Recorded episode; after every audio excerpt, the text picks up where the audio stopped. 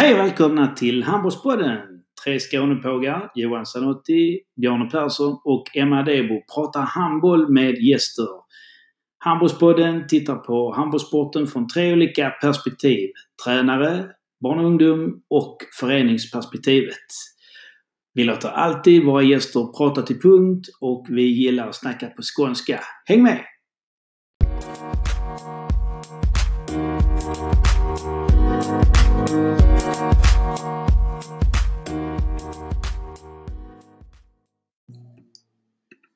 Dagens gäster på Handbollspodden är två stycken personer som betyder mycket för svensk handboll idag och kanske är lite av svensk handbolls framtid. Vår första gäst är ingen mindre än Niklas Virolainen. Uppvuxen i HK Eskil, Eskilstuna, denna magiska miljö, kom han 2006 till Göteborg där han blev tränare i Önnered och jobbade på Göteborgs handbollsförbund. Senare blev han värvad till HK Aranäs 2007 och där har han varit ända sedan dess. Jobbar på handbollsgymnasiet, jobbar som instruktör och ungdomsansvarig i en av Sveriges största och mest framgångsrika ungdomsföreningar, HK Aranäs. Hjärtligt välkommen Niklas Virulainen, Virre kallad. Vår andra gäst är också härstammande från HK Eskil Eskilstuna. Hans namn är Andreas Stockenberg men går mer under smeknamnet, artistnamnet Stocken. Han inledde också sin tränarkarriär i HK Eskils ungdomslag. Blev värvad till Allingsås HK som juniorledare och sedermera assisterande och tillförordnad A-lagstränare i Allingsås. 2012 så kom han till Skånela där han var i två säsonger i Märsta.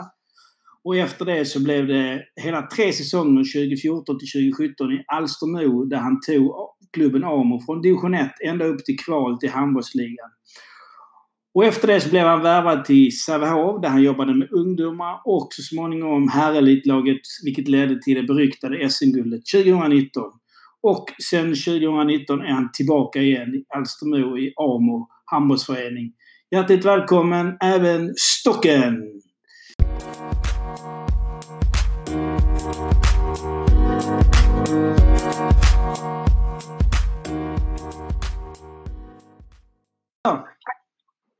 Ja, då sitter vi här med Stocken och Virre.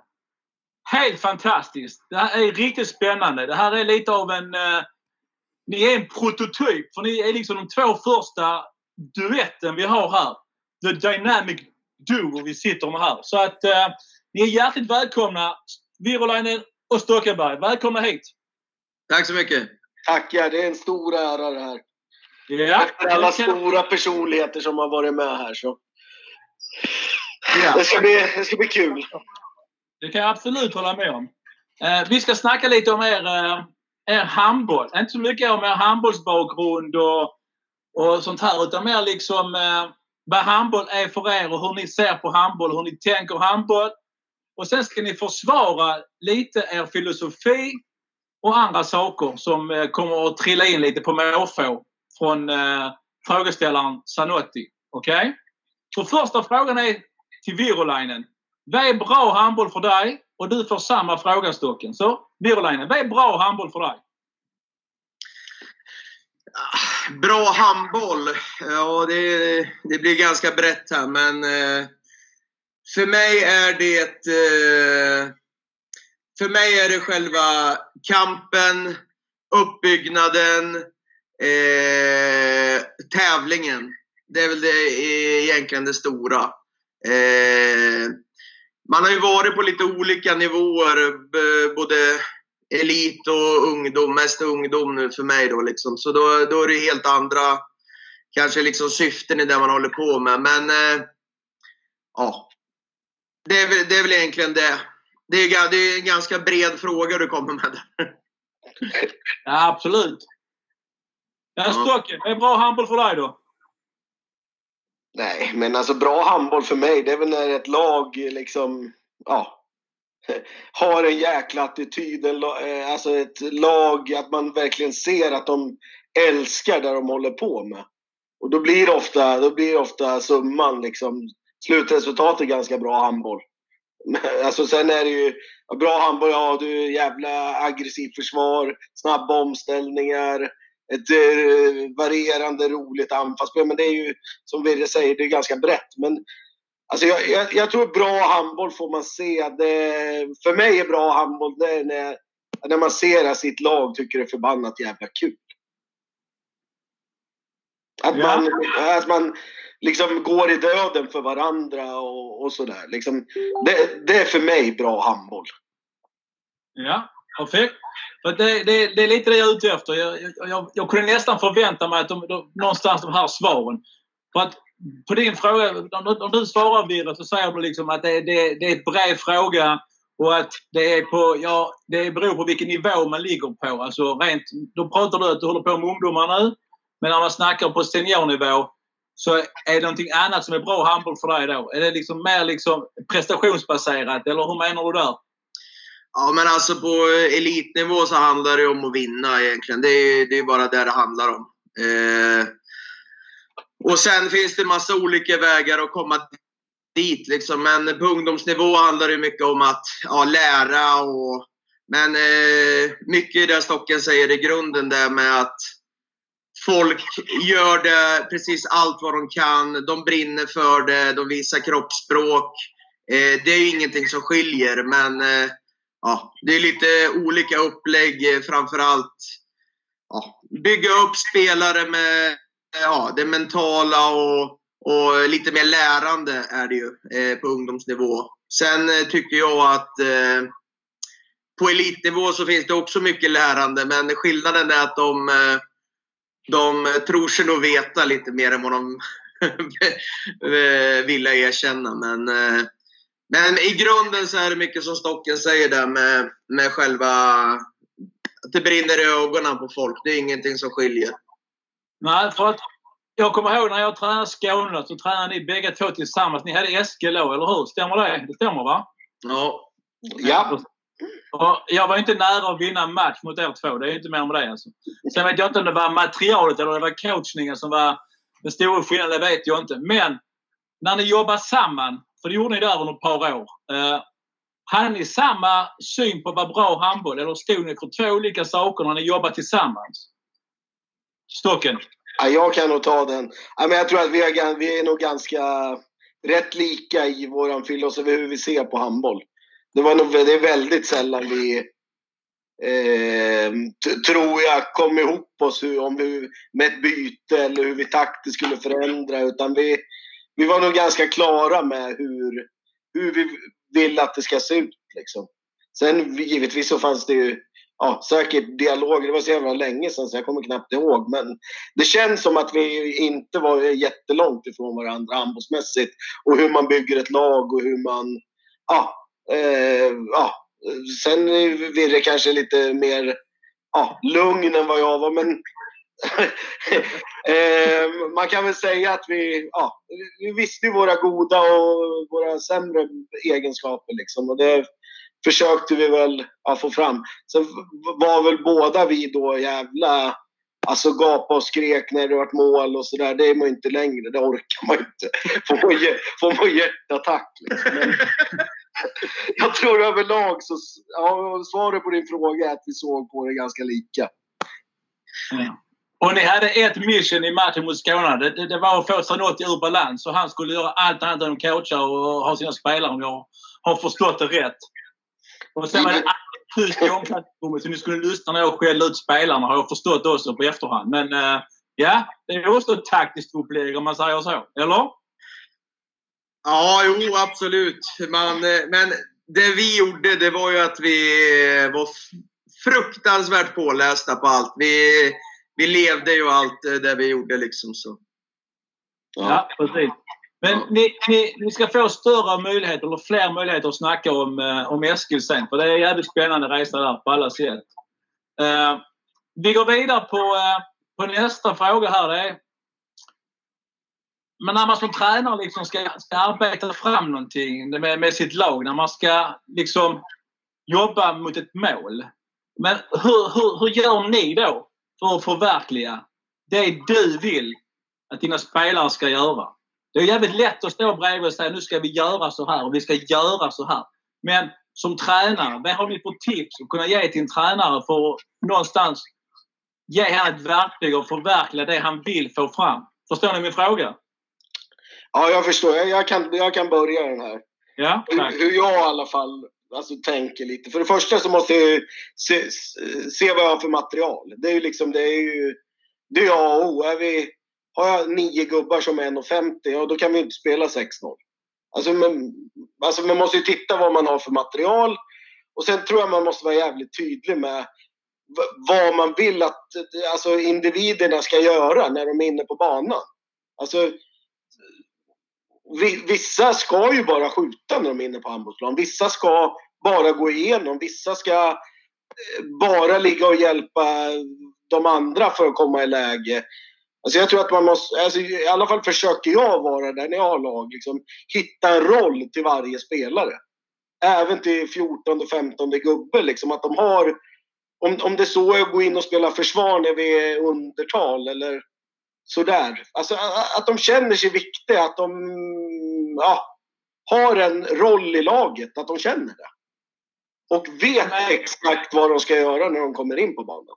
Så du menar genom att ha en tydlig rollfördelning så är det lättare för Ja. dig att förverkliga det du vill Ja. ha fram? Jag säger så. Det är liksom Abs- rätt. ab- Absolut, absolut. Ja. Jag tror Eh, jag ser allt för många fall där jag tycker, eh, där jag ser lag där de inte riktigt vet om de är första i vänsternia eller om de, när de kommer in, är jag en genombrottsspelare eller jag, ska jag vara ett skyttehot eller ska jag bara ligga och växla kant?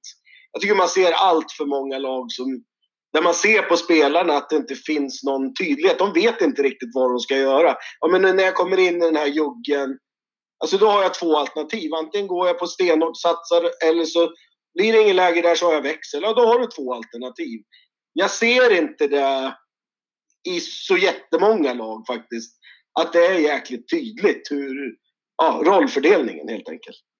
Ja. Nej, jag, jag, jag håller med Stocken till 100 procent. Sen är det ju lite annorlunda på, på den nivån som jag håller på med, med ut, utbilda spelare och så vidare. Men, men eh, det jag också skulle vilja ta till som eh, Stocken framförallt gör bra. Det ska ju inte bli någon hyllningspodd här till varandra, men Nej, men han får ju verkligen och då, han får ju verkligen alla att gå över lik för att vinna. Och det är lite det som är också resan till målet.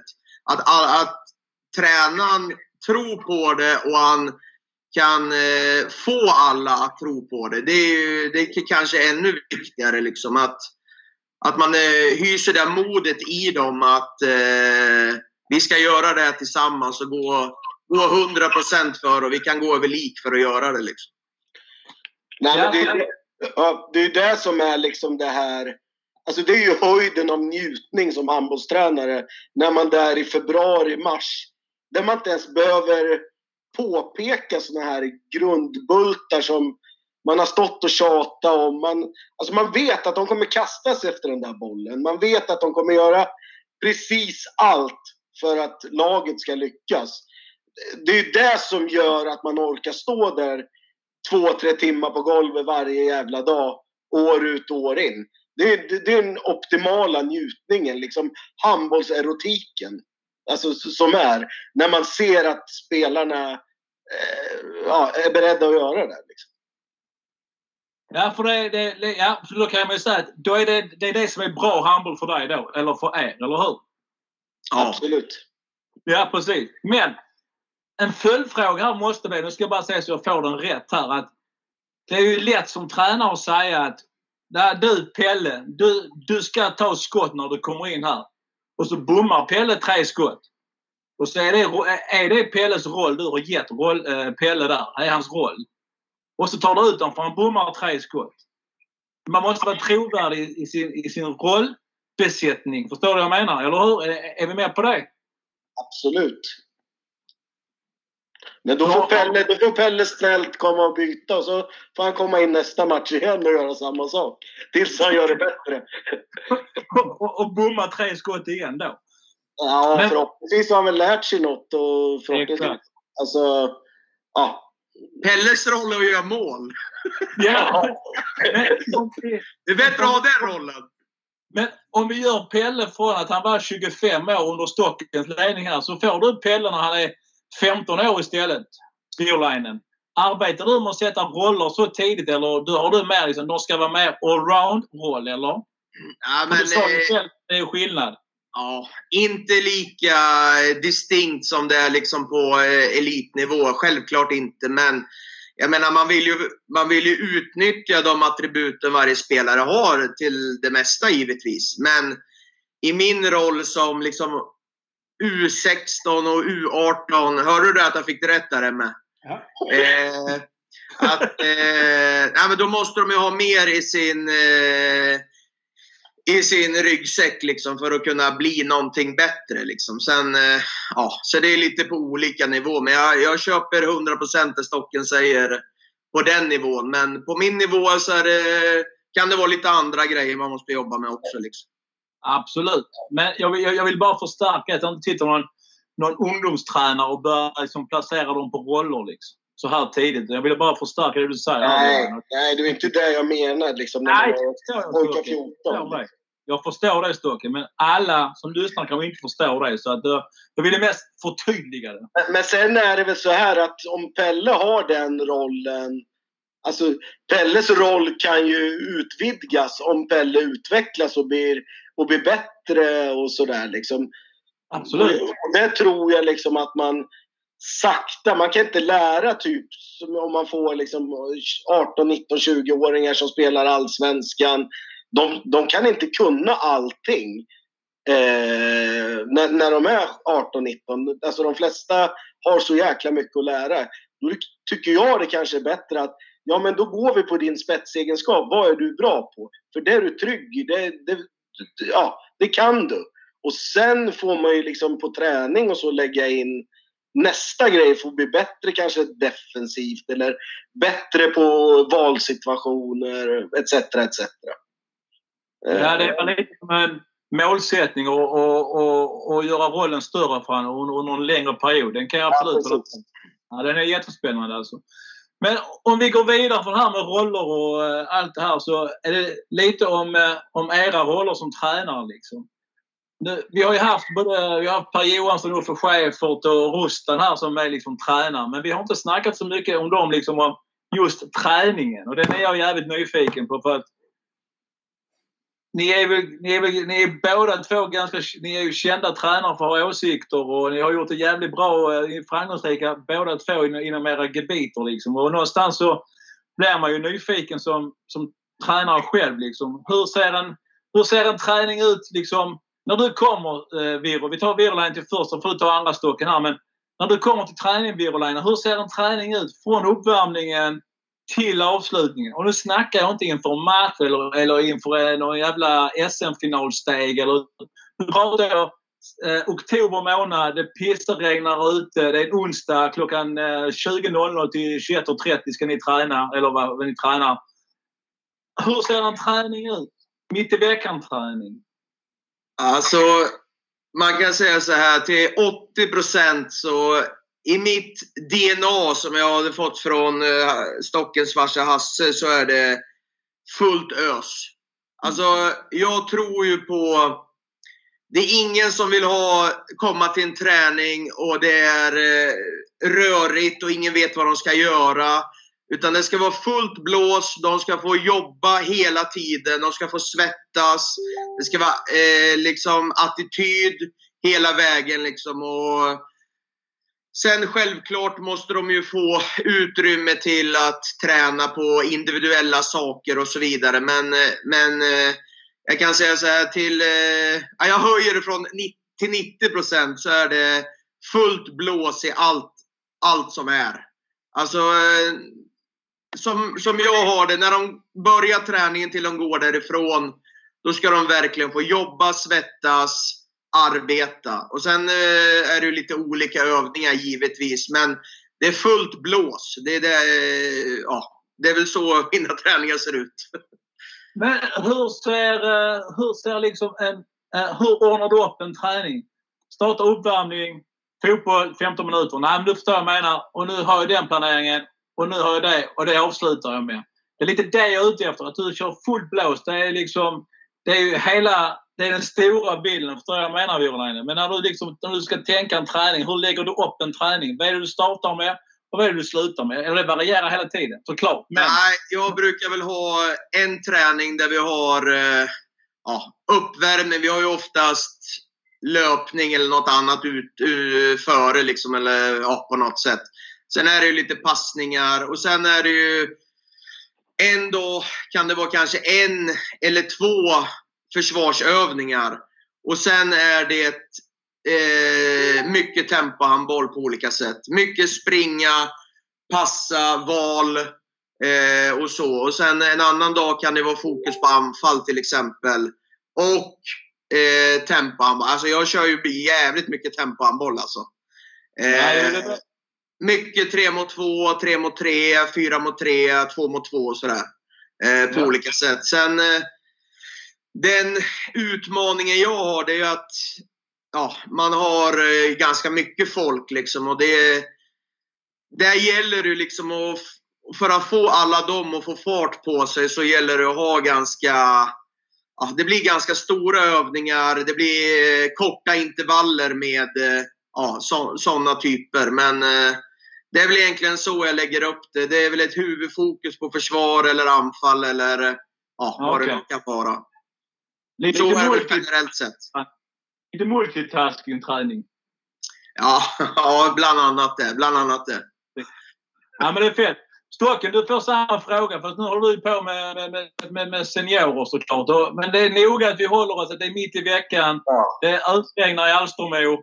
Eller det snöar som fan säger vi. Och Nej, men, alltså, ja. Nej, men jag, jag, jag tror inte jag hade gjort någon skillnad oavsett om jag hade haft eh, Aranäs pojkar 16 eller Sävehofs herrar eller Alstermo. Utan jag försöker ha samma grundbult hela tiden. Det är ju en uppvärmning till att börja med. Ofta, eh, ofta så blir det ju fotboll när man har seniorer.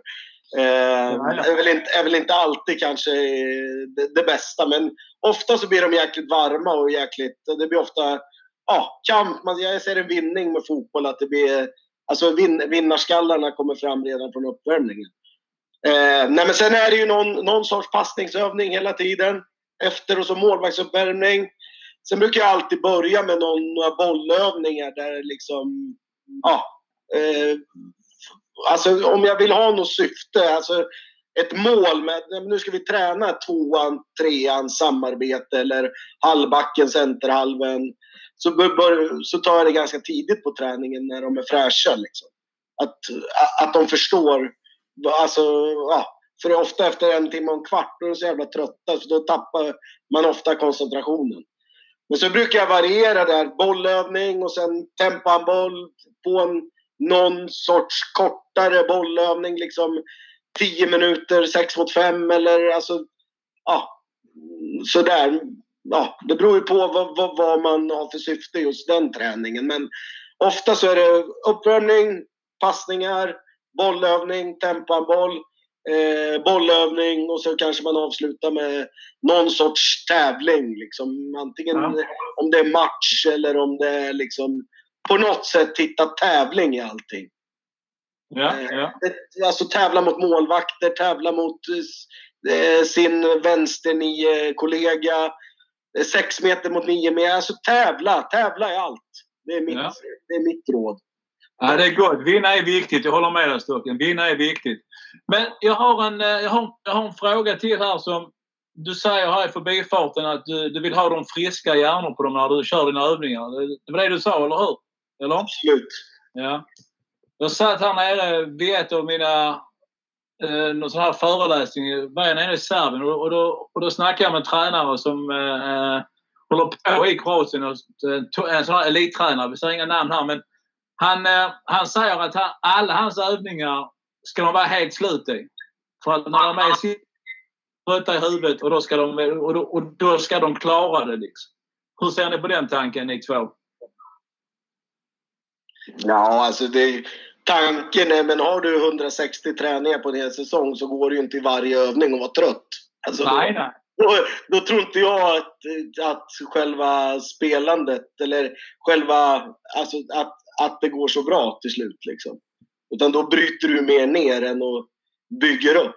Sen givetvis så ska, ska de kunna, kunna göra rätt val när du är trött också. Men det är ju, ja. ja jag, lite konstigt. Men jag förstår ju tanken men det är inte så jag jobbar i alla fall.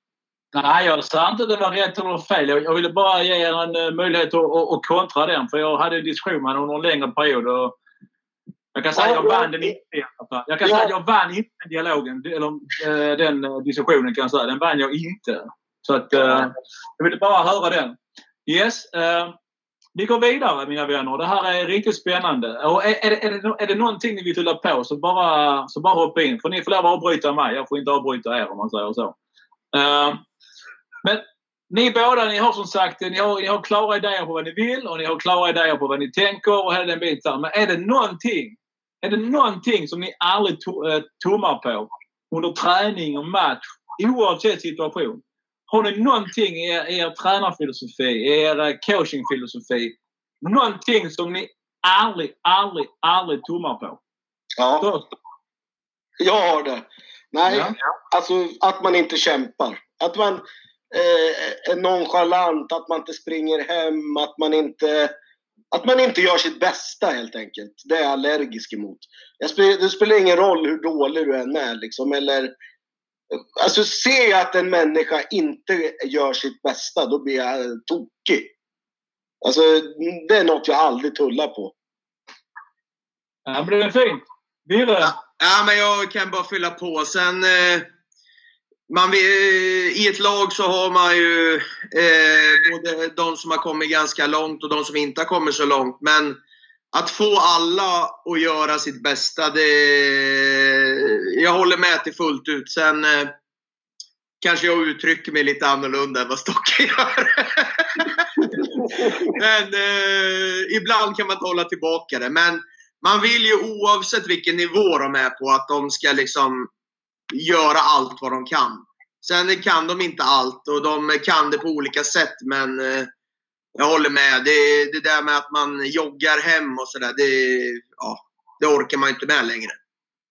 Nej, det är man för gammal för. Alltså. Det vill man inte säga. Så det kan jag hålla med om. Alltså. Nej, men det finns spelare på elitnivå som fortfarande springer och petar och springer och alltså halvjoggar och springer. Alltså, ja, det finns 5000 exempel som jag kan ge på spelare som... Alltså hade jag haft dem själv så hade jag jagat dem in i döden. Alltså. ja, ja, men det är liksom... Så det, det, det, är liksom det, att man ska kämpa. Det är det som är liksom grundbulten, som du säger ja. Stocken. Som du säger Virland, en av dina grundläggande liksom, eh, dina värderingar, det är värdegrunder. Det är liksom att man, man ska fan mig kämpa. Oavsett om man inte kan studsa en boll så kan man fan mig ta en boll i alla fall. Nej, precis. Alltså att man har gett precis allt. Då kan jag till och med acceptera en förlust. Men alltså, när man inte gör sitt bästa, då, då går topplocket på mig i alla fall. Ja, men det går, ju, det går ju inte att bli bättre om man inte gör sitt bästa heller. Så, är, så enkelt är det ju. Och, eh, man antar ju att alla är där för att bli bättre. Då, då får man ju ändå kräva det och jag tror att alla vill bli bättre och då får man ju liksom se till att de blir det också. Ja, ja. Jag håller med alltså. Men eh, liksom, det, det är för, vissa tränare kan ha liksom, jag tummar aldrig på det. Man alltså, ska komma i tid. Kommer man för sent så får man inte lov att träna den träningen. Liksom. Eller vissa har liksom eh, Ja, det finns massa tusen grejer. Men er, er basis på er, liksom, ni aldrig tummar på det är att man ska kämpa. Liksom. Men eh, vad, vad jag vill, komma det är någonstans för att jag, jag är liksom... Eh, får passa på att hylla din far här, eh, Stocken, Hasse. Jag, jag har bara hört fantastiskt goda ting om honom. Och ni båda är någonstans fostrade i, i hans, sätt att, hans sätt att leda. Och du är väl någonstans har fått det med bröstmjölken då, Stockenberg? Att det ska vara så det är? Kan man kolla? Därifrån det kommer? Ja, absolut. Det är han som har, det är han som har format mig. Det är han man har suttit i hallarna när man var fyra, fem år och kollat på när han var A-lagstränare och sådär. Liksom. Det, ja, det, det, är ju det är mycket hans ord och hans, alltså, ja, så som han ledde lag och så som han såg på det. Sen kanske man, ja, eh, handbollsmässigt nu har gått om honom genom att ny, nya handbollen och sådär. Men grundpelaren i mitt ledarskap är ju, det är ju min fars. Så är det ja. För gott att höra. Jag, så, sånt älskar jag. Och, och, du är såklart influerad av honom, Virolainen. Som du sa ja, tidigare. Oerhört mycket. Oerhört mycket. Vi, vi, apropå det här med att komma i tid här nu så ställde vi över Emil Berggren en match i Allsvenskan mot dig, eh, Sanotti. Så ja. Eh, det var ju skönt att du tog upp det. Ja. ja. Men vi vann ändå! Och, och, och vet du vad det värsta är? Alltså, jag hoppas inte Emil hör detta för jag tänkte... För det första tänkte jag ah, jag har lagt åtta timmar på att analysera han och så kommer han inte. Ja, det är gott. Då kan vi fan vinna också. Så får vi stryk med 10 och vi är fan inte ens nära. Vi hade, vi hade ju typ 100 Virolainen med den matchen. Ja, det var helt. Vi gjorde typ 20 mål Virolainen ihop den matchen. Ja, jag vet. Han gjorde 13 och Heikki 7.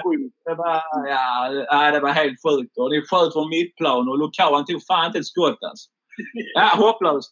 Oj, vad förbannad jag var. Ja, skitsamma. Vi ska inte gå in på det nu för det är sådana minnen orkar jag inte med. Alltså. Men Eh, oavsett det så... Eh, nej, nu tappar jag tråden helt här. det var det. Men, nu eh, fick vi det i balans igen! jag tar den. Men eh, jag har egentligen... Jo, jag har faktiskt en fråga till som jag eh, liksom satt och funderade på här. Alltså, nu, när, nu när ni jobbar ihop under, eh, under de här åren och ja. Vem, vem var första tränare? Virre. På tal om roller, för ni snackar att roller är så jävla viktigt. Och då är en roll mellan två tränare extremt viktig. Att den är tydlig. Både för er själva och för spelarna. Vem var första tränare? Eller var det bara Virre. Ja, men man, man, det var så här att Stocken och jag har ju typ eh, bott i sporthallen sen eh, ja, man var små och sådär. Men vi hade ju faktiskt bara... Eh, det var ett år vi körde ihop.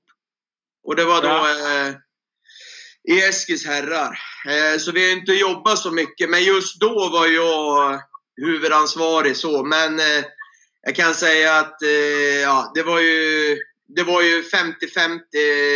Jag försökte väl göra det hålla ihop det så här med planering och sådär. Och sen eh, Stocken hade ju sin med eh, sitt öga och coaching på alla sätt och vis också. Så ja, och i grunden var det ju det att vi var ganska galna där på bänken med ett jäkla go och sådär. Så att, eh,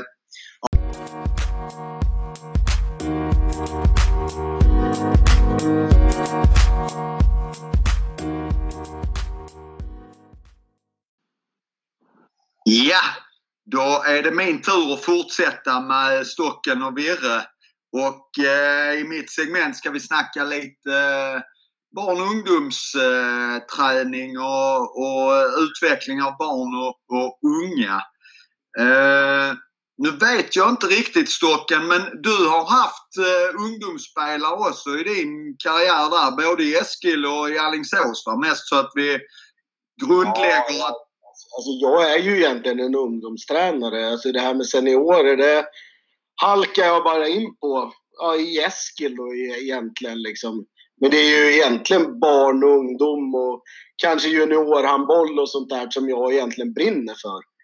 Ehm, men det har ju blivit på sista åren har det blivit seniorer. Men det, det, det var inget jag valde utan det, det, det bara vart så. Ja. Och Vera, du kör, vad kör du?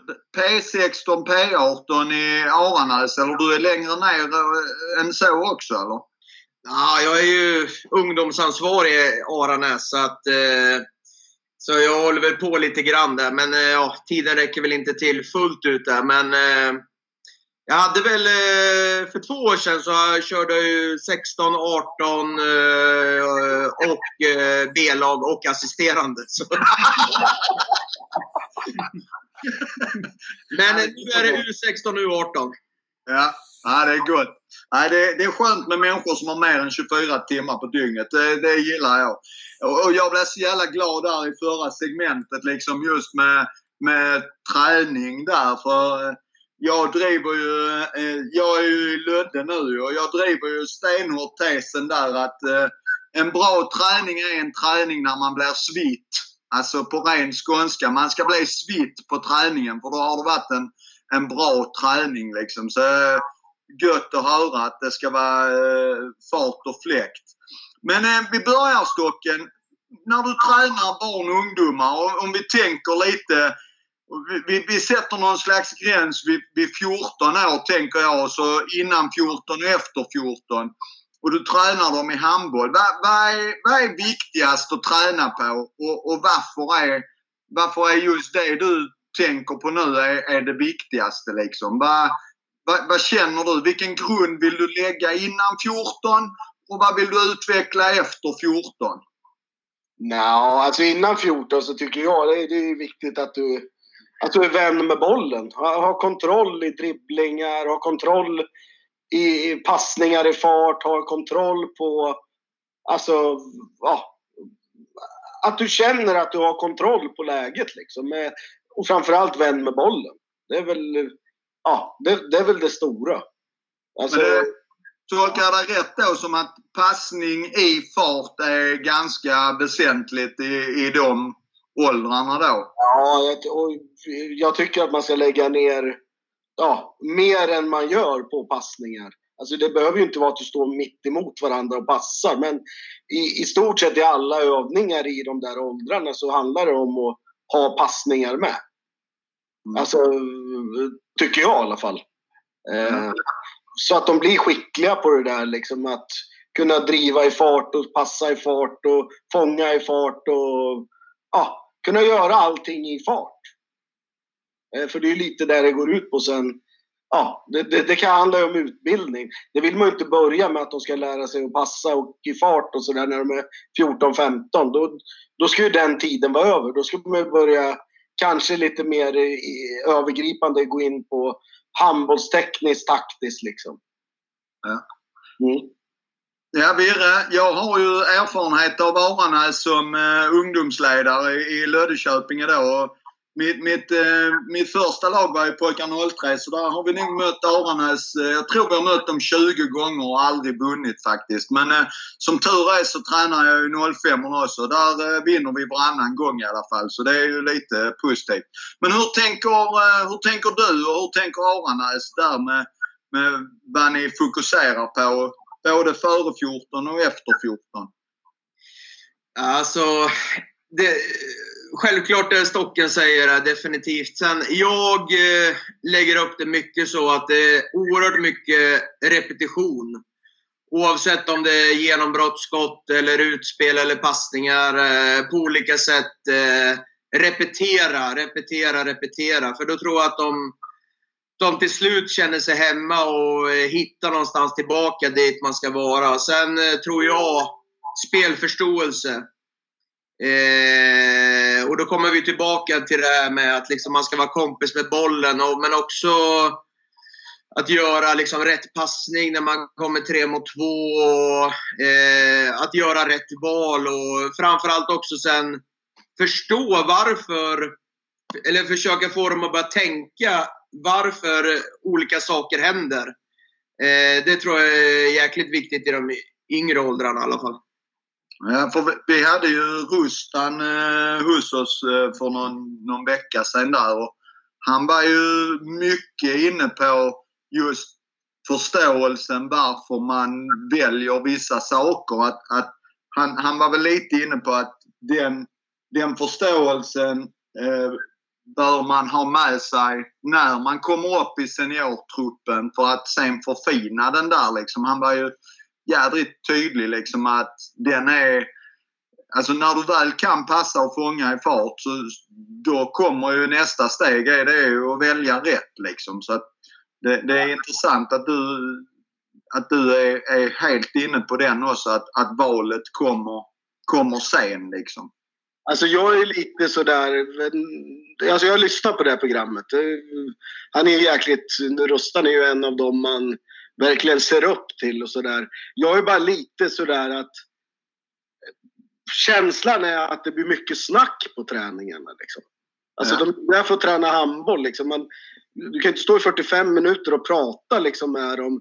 Alltså, det, det, får ju komma av sig självt att man i flykten, titta där, titta. Alltså, ja, jag fick känslan av att det var mycket avbrott i träningen när man står och petar Och det tycker jag är helt fel i, i alla fall unga år. Då får de göra fel. Men att de får lära sig något av det. Att man påpekar, ja, men, tänk om du hade gjort så, tänk om jag hade...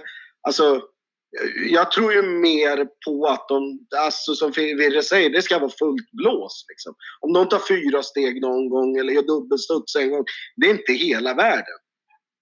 Alltså, det är i alla fall min alltså, åsikt och filosofi. Liksom. Jag omsatte det lite som jag tänkte med barn och ungdomshandboll. Det är att man även i rätt så unga år att man, man skapar eh, träningsövningar där, där valet eh, finns med i övningen. Alltså att det är spellika övningar så att, så att de får träna på att välja eh, på träningen. Sen, sen, sen jag delar din eh, eh analys där Stocken att det, fan ska man gå in och tjabba med det med ett 12-årslag då ser du inte röken av dem veckan efter liksom. Är, men men att, att du kan bygga övningar där, där, där bollen kommer med i övningen. Sen väljer de ju inte alltid rätt såklart men, men om du får träna på att välja i övningarna så förmodligen blir de ju inte sämre i alla fall.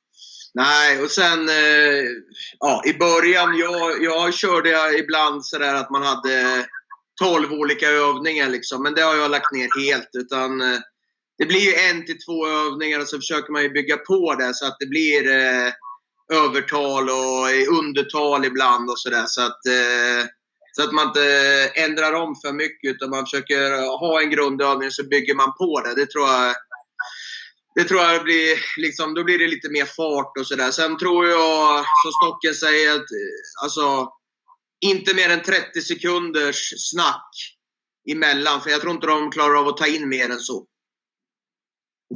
Nej, jag, jag tränar ju 17-18-åringar nu och det är ju... Ibland känner jag att 15 sekunder är ju jävligt tillräckligt också. Det är liksom... Det är, man, man ser ju på vissa när de slutar lyssna liksom. Mm.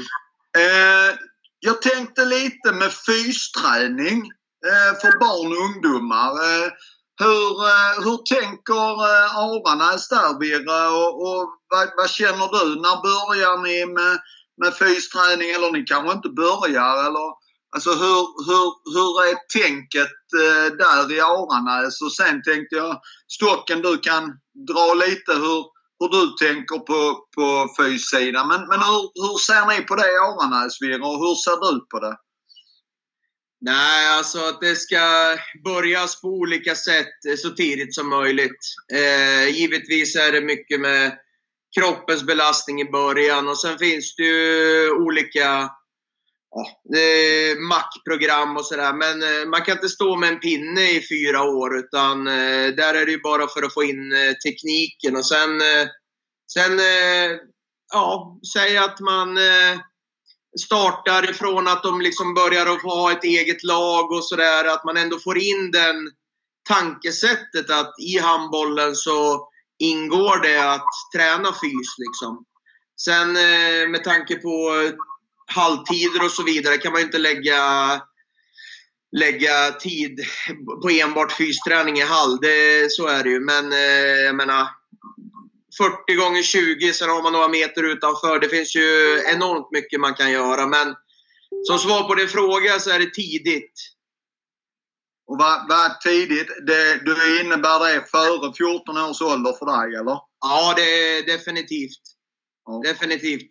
Sen handlar det inte om att göra 200 kilo i marklyft när man är 13, men, men eh, definitivt att de, eh, att de lär sig tekniken och kan köra med lätta vikter. Definitivt eh, tiden är 14.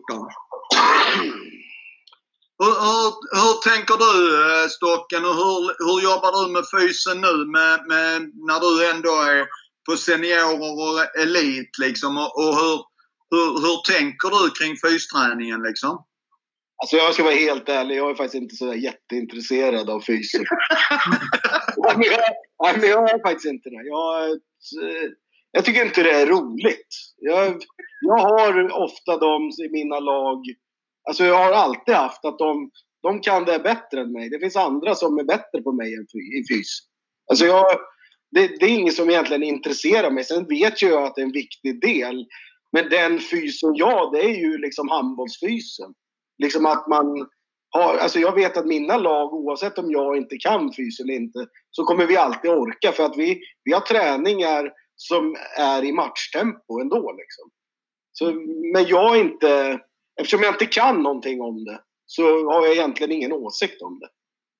Men, men tar du in, du tar in folk som jobbar med fysen nu eller? Ja, jag har Agne Bergvall nu i, i Alstermo som tränar Carolina Klüft och Susanna Kall och de här. Ja, ja, jag hade Agne när jag tränade EIK 2004 2006.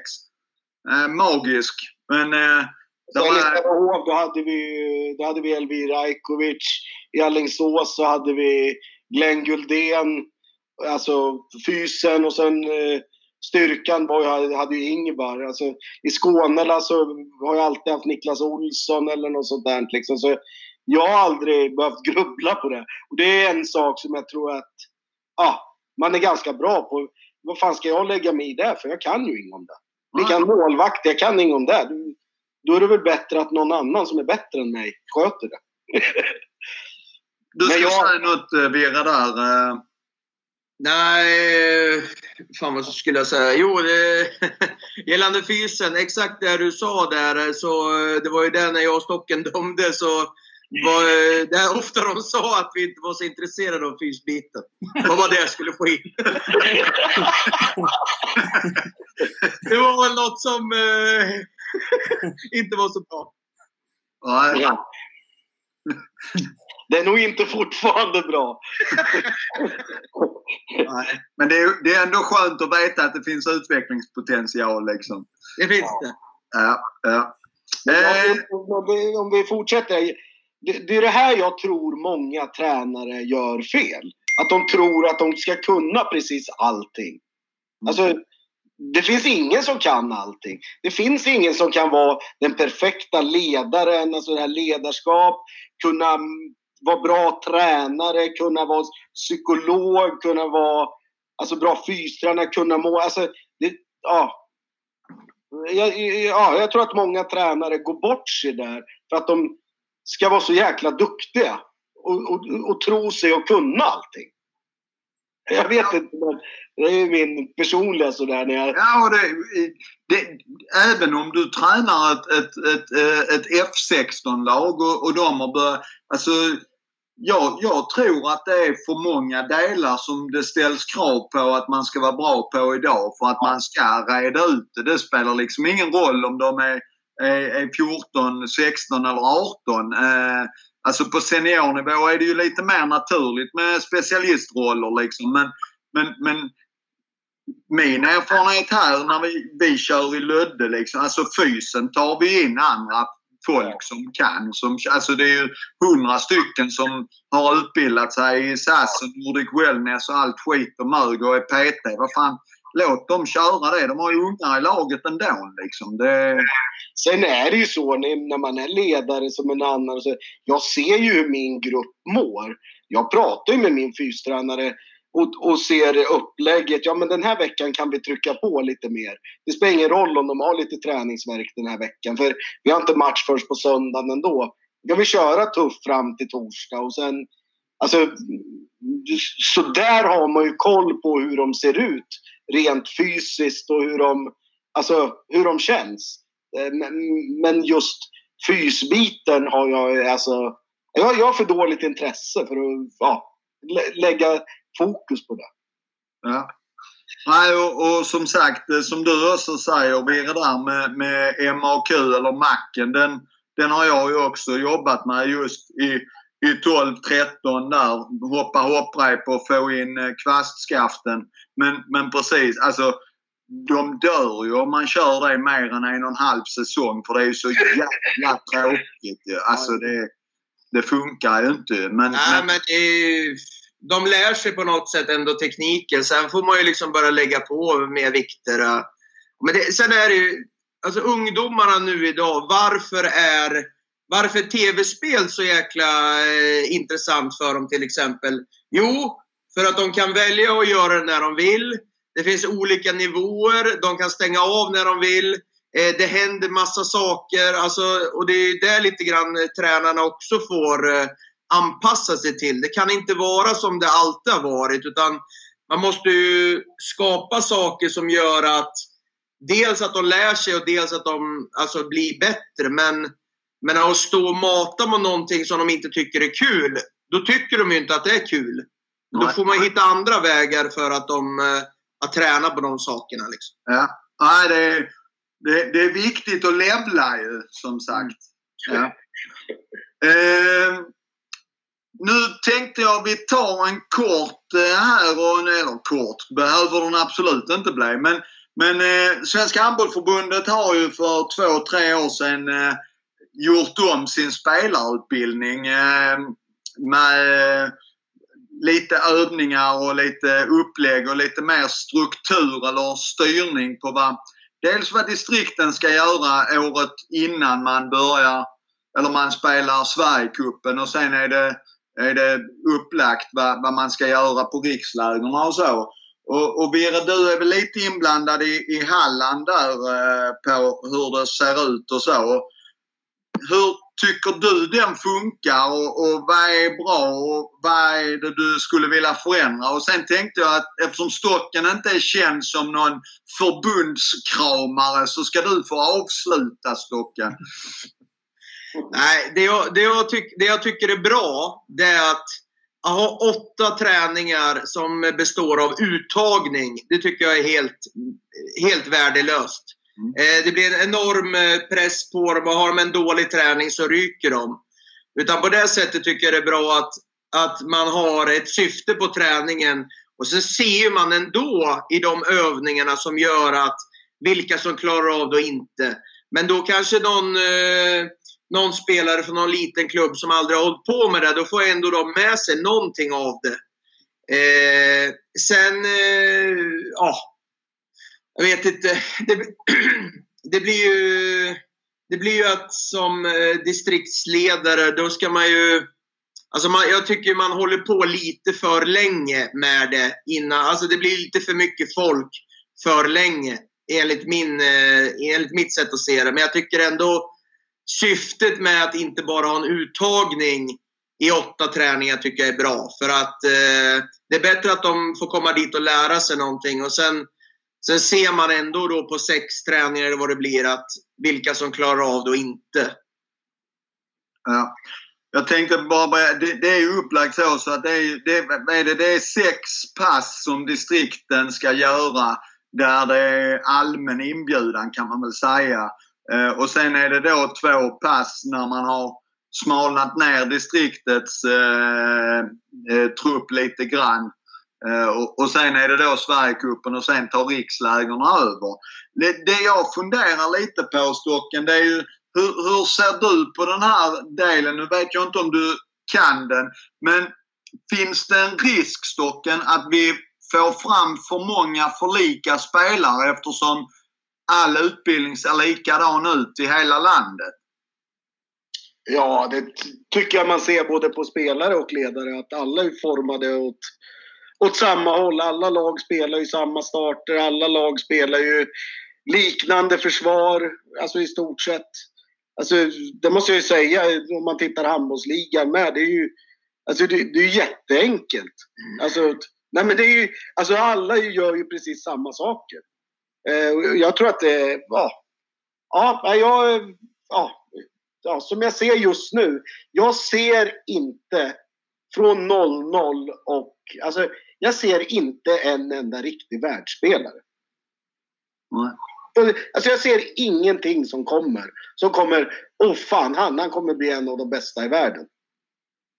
Alltså det, det är min personliga. Alltså jag ser ingen just nu från 00 och 01, 02, 03, 0. Alltså så kommer bli, där kommer bli en världsspelare. Sen kanske jag har fel, men det känns som att det är det är kul att ha fel om Vad sa du? Det är kul om du har fel. Ja, jag hoppas ju att jag har fel. Men jag vet inte fan om jag har fel i det här. Alltså, jag ser inga nya Kim Andersson. Jag ser ingen nya eh, Jonas Larholm. Jag ser inga såna där... och jag tror att det kan vara att alla gör precis likadant.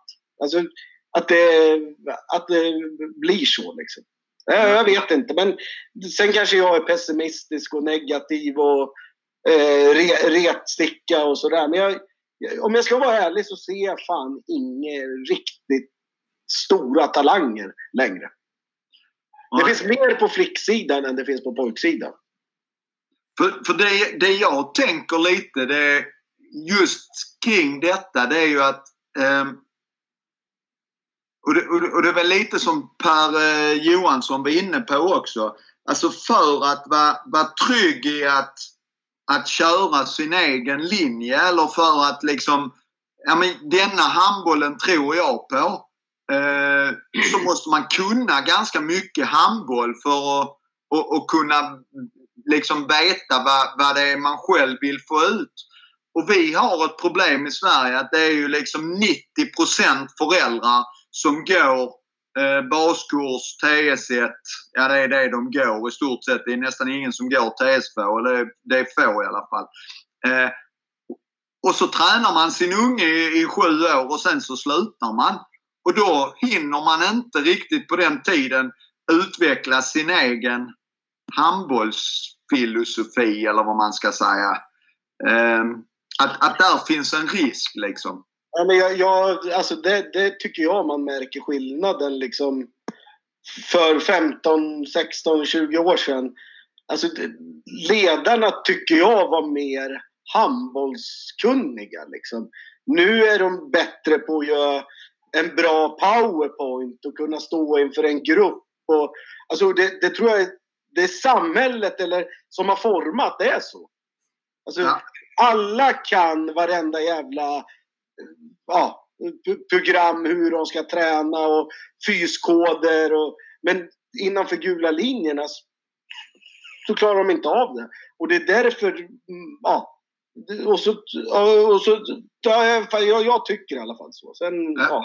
ja. men det jag, jag gillar lite det för att, för att jag tror att man min förhoppning lite är ju att, att vi ska komma och det är ju MS eh, käpphäst där eh, som han kommer säkert komma in på lite. Det är ju, det är ju att komma till, till eh, Island då med den här fritidschecken så att vi kan ha det ska inte vara heltidsanställda tränare på barn och ungdomar men, men det ska i alla fall finnas en, en ersättningsnivå så att när man har kört sin egen unge i 7-8 år och, och sen släppt vidare att, att det finns någon slags liten ersättning som man är beredd på att köra en runda till med ett lag i 6-7 år. För man är ju så jävla mycket bättre andra rundan. Man liksom du har gjort alla jävla grodorna och du, du är mycket tryggare i, i vad det är du vill se liksom. Men så är det ju som ledare liksom. Förut när man var 20 år och hade Eskil ihop med Virre, man, då var man ju Super Mario Bros. Man trodde man hade 10 extra liv och man, man körde bara och man tänkte inte så jävla mycket. Men de fallgroparna har man ju ramlat ner i ett par gånger. Nu när man är 39-40 år liksom så känner man ju att... Alltså, men det har ju också varit nyttigt att gå på de där smällarna. Gå på de där minerna, gå på de där... Eh, men, men överlag så tror jag att eh, alltså det finns inte sådär jättemånga genuina handbollsledare längre. Vi, vi är ett, utdöende släkte. Tyvärr. Ja. ja det, eh, och det tycker jag smittar av sig på, på ungdomarna och spelarna med. Eh, det är ingen tillfällighet att de lag du har går bra eller Virre har och Aranäs går bra. Det är ingen tillfällighet utan det är för att ni brinner för det. Ni får ju dem att brinna för det också. Och, ja. ja. Alltså det är ju ja, det är en ganska logisk eh, cykel men det, det, det är så. Alltså jag såg ju Sävehof, de har hur många som helst men många i Sävehof, alla säger att Sävehof är så jäkla mycket bra ledare skitsnack. Aranäs har mycket bättre ledare än Sävehof. Sävehofs ledare gömmer sig bakom att de har så förbannat jävla många, ett sånt jävla stor urval och så mycket bra spelare. Så att tränarna eh, blir ju bättre än vad de egentligen är. Alltså, precis det du säger Stocken, det är det jag säger till Emma hela tiden på jobbet. Han har ju 70-80 ungar i sina lag. Att han blir bra, det är ju ingen konstigt. Vad, vad fan om han har 80 stycken i träning, tror fan att det är 10 som kan spela handboll. Ja, och så får man åtta på riksgymnasiet. Ja, men det är klart att fan de blir bra. Liksom. Ja, ja. Nej, men nu, nu, Emma får nog svara för sig själv. Men jag är supernöjd med den här diskussionen grabbar. Och nu kommer Emma komma in på eh, lite förening och lite tankar och sen så ska vi, ska vi ha lite allmänt skitsnack i slutet också. Så stort tack så länge grabbar. Tack, tack.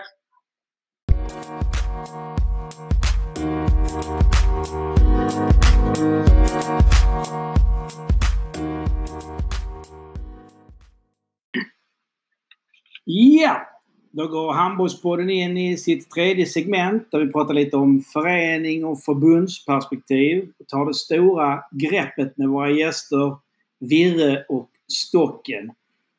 Pojkarna är fostrade i HK Eskil. Först som spelare och sedan som ledare. Sen har ni varit verksamma i några av landets största och mest framgångsrika föreningar. Jag har en fråga till er och börjar med dig Virre. Vad är det som gör en förening framgångsrik på ungdomssidan? Och jag vill också att du definierar vad, vad är framgång för dig? Eh, ja, pratar vi Eskil nu eller? Uh, ungdomsföreningar generellt. Vad är, eh, vad är det som gör att en förening blir framgångsrik? Och hur definierar du framgång? Ja, det, om vi pratar handbollen så var det så här i Eskil liksom att eh, på något sätt så började vi nästan från noll. Och sen vart det så att på något sätt mätstickan vart ju på något sätt USM. Eh, jag kommer inte glömma liksom det var, det var fest i Eskils eh, lokal där när ett lag hade gått till steg 4. Eh, och sen eh, vart det något lag som var till steg fem. Och sen, alltså, hela tiden så höjdes ribban hela, hela, hela tiden. Sen eh, som vi har varit inne på lite olika eh, gånger här nu så Alltså alla saker som man gjorde då för att vinna och komma vidare. Man kanske inte hade gjort exakt samma sak nu. Man har ju lärt sig lite saker. Men just handbollsmässigt var det det där att inget lag ville vara sämre än något annat. Eh, och då var det enbart på resultatnivå. Eh, sen om man säger i den föreningen Arane som jag är med i nu så, så finns ju de målen eh, samt, eh, också. Men eh, samtidigt så just i Eskil så var det, brann vi ju ännu mer för det där för att gå långt eh, över lik och kanske inte riktigt eh, eh, ja, som man kanske skulle agerat då. Då menar jag liksom att det var eh, oerhört väldigt viktigt att slå Guif för seriematchen och så vidare.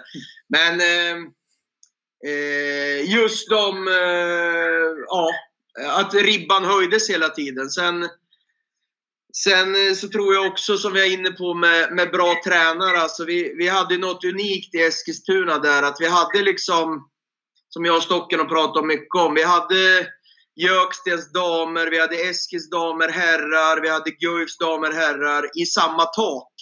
Så man kunde liksom sitta där på läktaren och de intresserade ledarna som var där, de satt där.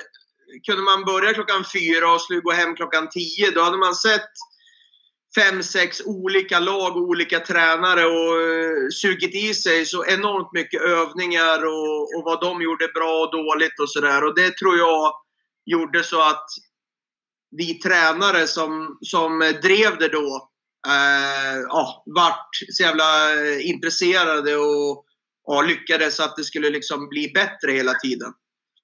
Sen har man ju märkt att eh, just i föreningslivet så är det ju enormt mycket annat som är viktigt också givetvis.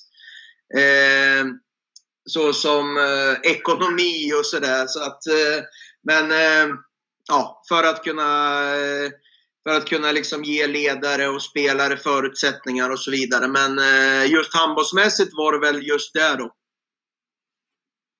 Gött. Jag summerar alltså intern konkurrens i föreningen, en stolthet i föreningen. Det är nyckeln till framgång på ungdomssidan. Och sen då ha tränare som är passionerade och vill lära sig mycket, sitter mycket i hallen och tittar. Och där håller jag verkligen med dig. Kvaliteten på tränarna är avgörande för allt i, i en förening. Liksom.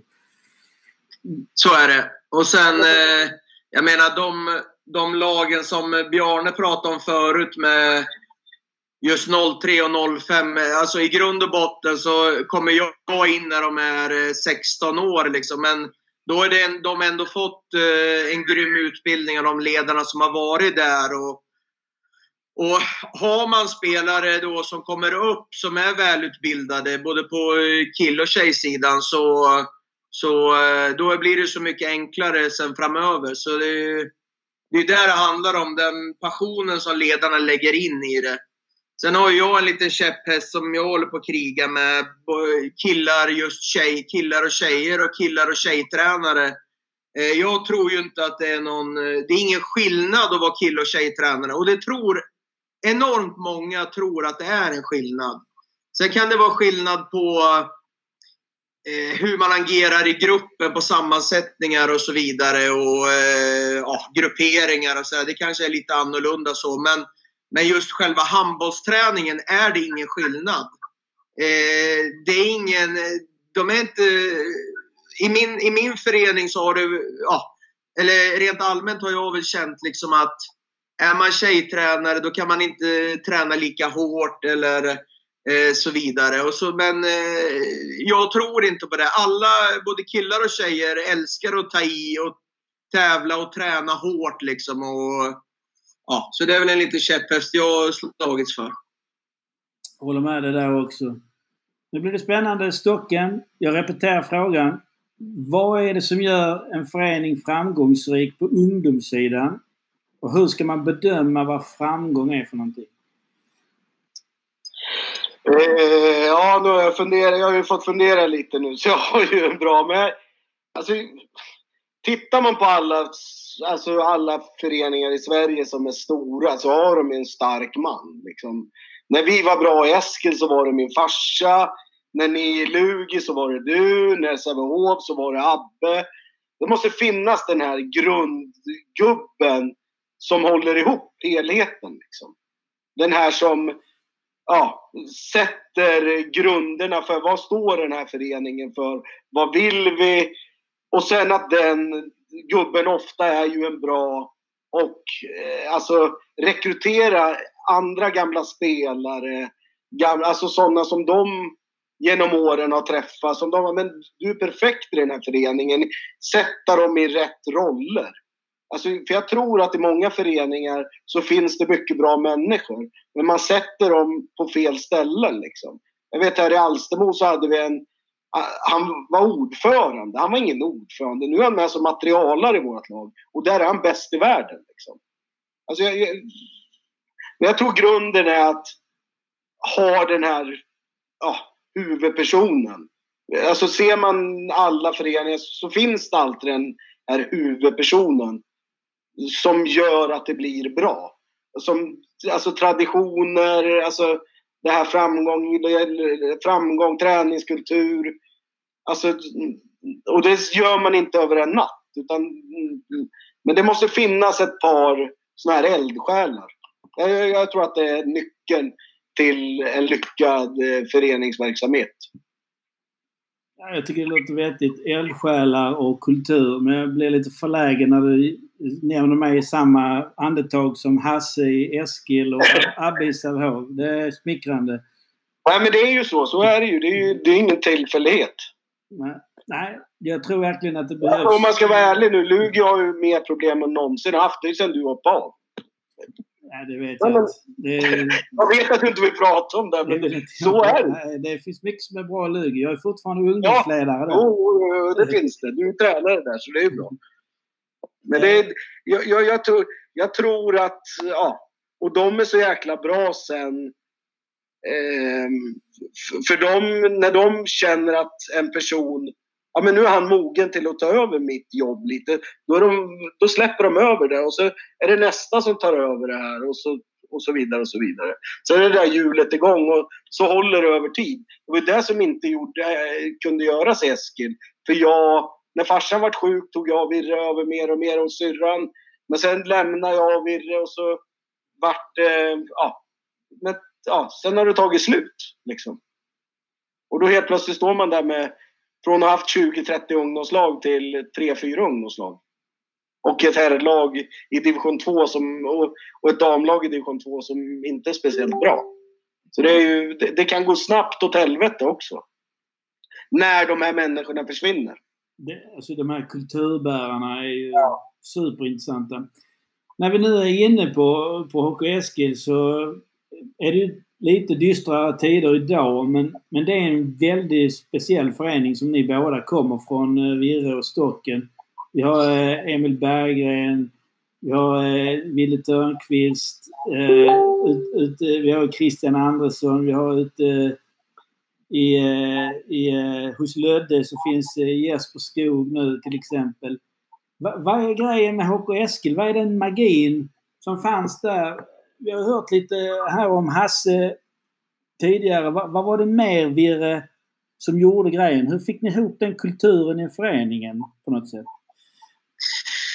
Nej, det var, det, Stocken har ju varit inne lite på det med att just Hasse hade ju en, alltså med de här kulturbärarna så har ju de ofta liksom en, ett sätt att göra så att alla känner sig, ja som Stocken har sagt, alla har en roll. Alltså de, på något sätt så kände, eller ja, en karismatisk ledare liksom som, som gjorde att alla kände att de kunde bidra och, och bli bättre på, på just sin eh, gebit. Liksom. Att alla kände sig viktiga.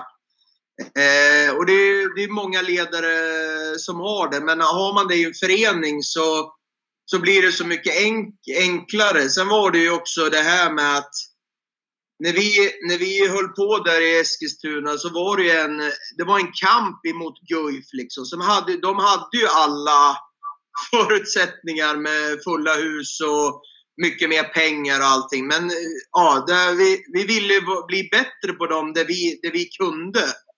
Eh, drivkraften.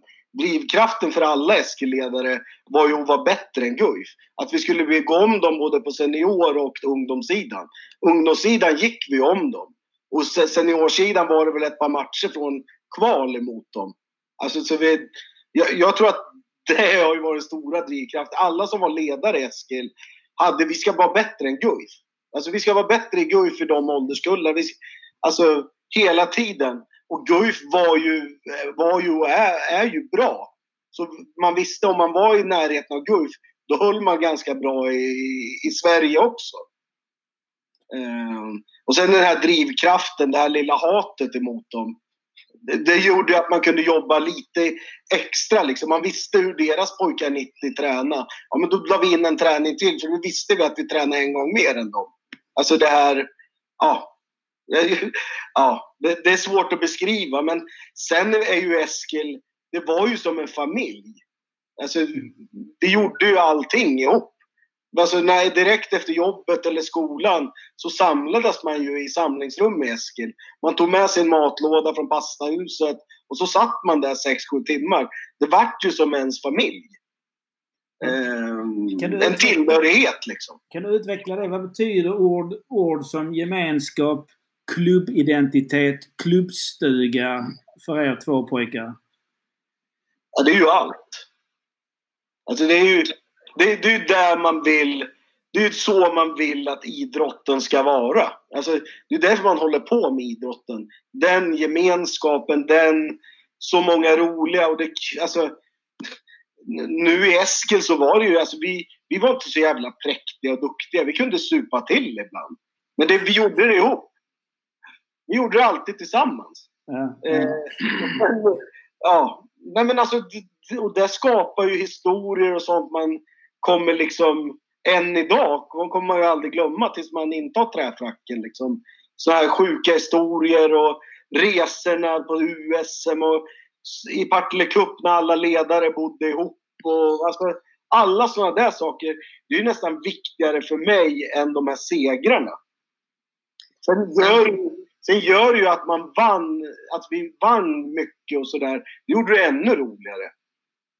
Sen tror jag också liksom där att med tanke på att alla var ganska tajta och så vidare så då var det också att det var ganska höga tak liksom när man pratade om det laget eller det laget. Då var det precis som det är i en familj. Alltså man, man vågar säga precis allt vad, som, vad man tyckte och så kanske det inte är i, i en förening att man vågar säga till en annan ledare vad, vad som är bra och vad som är dåligt fullt ut. Liksom. Men där var det ju fria spjäll och liksom man, eh, man var tvungen att utvecklas för att bli bättre. Liksom. Och annars fick man ju höra det. Va? Jo. jo. Det, var det mycket lärande mellan lagen också? Nej, alltså jag tror mer det var en, också som Birre har sagt, där en rivalitet. Man ville inte vara sämre än det där laget. Alltså, än andra laget. Och det, det vart liksom en... Ja, man, man pushar varandra till att liksom bli... Och det var, var, tror jag varit samma med spelarna. Så ibland så var det ju inte snyggt när ett, ett lag som var ett år yngre, även fast vi mötte varandra, så var det ju fullt krig mellan ledarna. Vilket inte så här i efterhand, det var väl inte det snyggaste, men det skapar ju ändå någonting. Något positivt ändå. Ehm, jag vet våran ordförande var ju tränare för pojkar 89 och jag hade ju Eskilspojkar 90. Det var ju nästan så vi rök ihop liksom under matcherna. Alltså, ja. Eller hur det var eh, precis när man öppnar SISUs dokument. Det är precis så de vill ha det. Eh, RF-regler. Men det var in real life, som man brukar säga. Vi var maskrosbarn. Om vi nu pratar värdegrund och hur man uppför sig så vill ju handbollen gärna bli uppfattad att vi har en, en speciell värdegrund och vi är stolta över att vi, vi sticker ut lite positivt med fair play, med jämställdhet. Vi kör regnbågsarmbinden på våra, på våra kaptener. Vi vill vara en inkluderande idrott för eh, alla grupper i samhället. Vad tänker du Virre när du hör det här med handbollens värdegrund och, och vad vi vill stå för oftast i handbollen? Ja, men jag, jag säger så här att eh, alltså, i min roll som dels som arbetare i en förening och dels som är tränare så det är klart att man måste, vi måste lära oss det fundamentala det här med att hälsa på varandra, uppföra sig. Eh, alla ska vara med. Eh, köper det fullt ut. Liksom, eh, så det är inga, inga konstigheter i det. Sen är det ju alltid, och det är där man har gått ifrån och varit kanske lite vildare till att bli mer eh, eh, ha en annan keps på. Liksom. Eh, vi pratar mycket om rivalitet i seriematcher och så vidare. Folk kanske inte spelar så mycket för att man ville vinna och så vidare. Och det, just det har man väl... Eh, det har ju jag eh, kommit ifrån ganska, ganska mycket som Stocken gärna påpekar eh, för mig ibland. Liksom. Men, men eh, ja, så där ser man ju lite annorlunda. Det är allt, allt är lite mjukare nu men jag tycker att min roll som tränare så ligger det i mitt uppdrag att inte uppfostra, alltså barnen får ju uppfostra sina föräldrar men det är ändå väldigt mycket uppförande och sånt man måste vara väldigt strikt med liksom. Så är det ju. Jag tycker det låter bra Virre. Vad, vad tänker du om detta Stocken? Du är känd som lite vilda västern-tränare i, i Sverige som gärna sticker ut lite grann. Men, men hur är din jag, menar, värdegrund? jag, jag, jag har ju mina, som Sanotti, jag har ju mina värdegrunder jag med. Liksom, för mig, alltså, alltså jag, jag är av den åsikten att det är väl självklart att alla ska vara med. Alla, vet du, oavsett eh, om du gillar tjejer eller killar eller om du är mörk eller vit eller om du... Alltså så är det självklart för mig att man ska vara med. Eskil som jag är fostrad i är ju en sån förening. Alltså man ser ju bara sådana som Simon Aulén som kom från hemförhållanden som inte ens liksom folk, ja, men jag tror inte folk fattar så där kan nog folk missuppfatta mig lite, att jag inte tycker att det är viktigt. Alltså, för mig är det liksom en självklarhet. Alltså, för mig tycker inte jag man behöver springa runt med ett regnbågsfärgat eh, skydd eller en kaptensbindel. För mig är det självklarhet. Oavsett om du har det eller inte. Alltså, sådär. Alltså, det låter bra. Men, men, tycker du inte att det signalerar någonting coolt ändå att vi står upp för detta? För det är ju inte en självklarhet i vårt samhälle idag.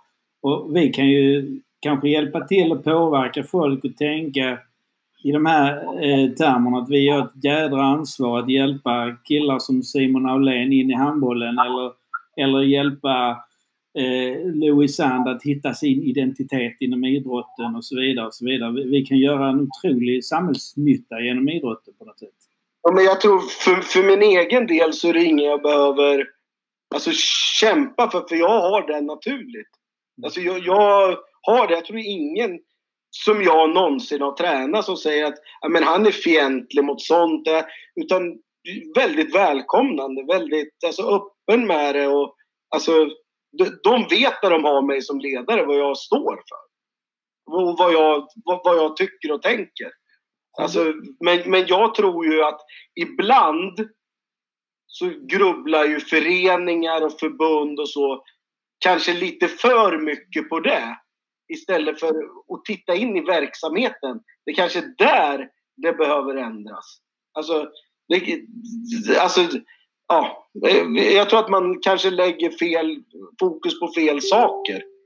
Det är min personliga. Jag, jag, jag håller faktiskt med dig Stocken. Jag, jag, tänker att eh, det är otroligt viktigt att ha liksom snygga dokument och stå för saker och ting. Men om inte det funkar ute på golvet så är inte det värt ett skit. Det är ofta det som är problemet. Det är lite, lite så jag liksom... Ja Eh, ja, får... Eh, alltså att, att så är det. Man har ju varit i föreningar med. Och, alltså Sävehof är ju jäkligt sådär liksom att vi ska göra bra samhällsmedborgare. Och det, alltså, det tycker jag väl är en sund... Det, det, det är det Sävehof står för. De ska bli bra samhällsmedborgare. Sen om vi vinner eller förlorar som 12-13 år, det spelar ingen roll. Men, visst, det, det, men där tror jag är beroende på hur trygg man är som ledare och som människa i sig själv. Så, så har man det där Alltså, jag känner själv, jag behöver inte lägga så jäkla mycket fokus på det. För jag har de grundpelarna redan. Det har jag lärt mig sen, ja, sen jag var ung. Vad som är rätt och fel i de grejerna. Sen om jag skäller på någon domare och sådär, liksom, Alltså, jag, jag, tycker att jag vill ju se engagemang. Alltså, och ibland så kan man skälla ut de spelare, men det, man gör ju inte det för att man vill vara taskig. Man, man bryr sig så jävla mycket. Man bryr sig kanske för mycket om, om sin sport. Alltså för mig så har handboll varit mitt liv. Jag vet, jag vet inte hur mitt liv hade sett ut utan handboll. Handbollen har gett mig allt. Och då kanske det blir fel ibland. Liksom, när man uttalar sig, när man pratar. Liksom, så, ja. Eh, ja. För mig själv så, så, känner jag att jag har absolut inga problem. Men det måste finnas värdegrund och så.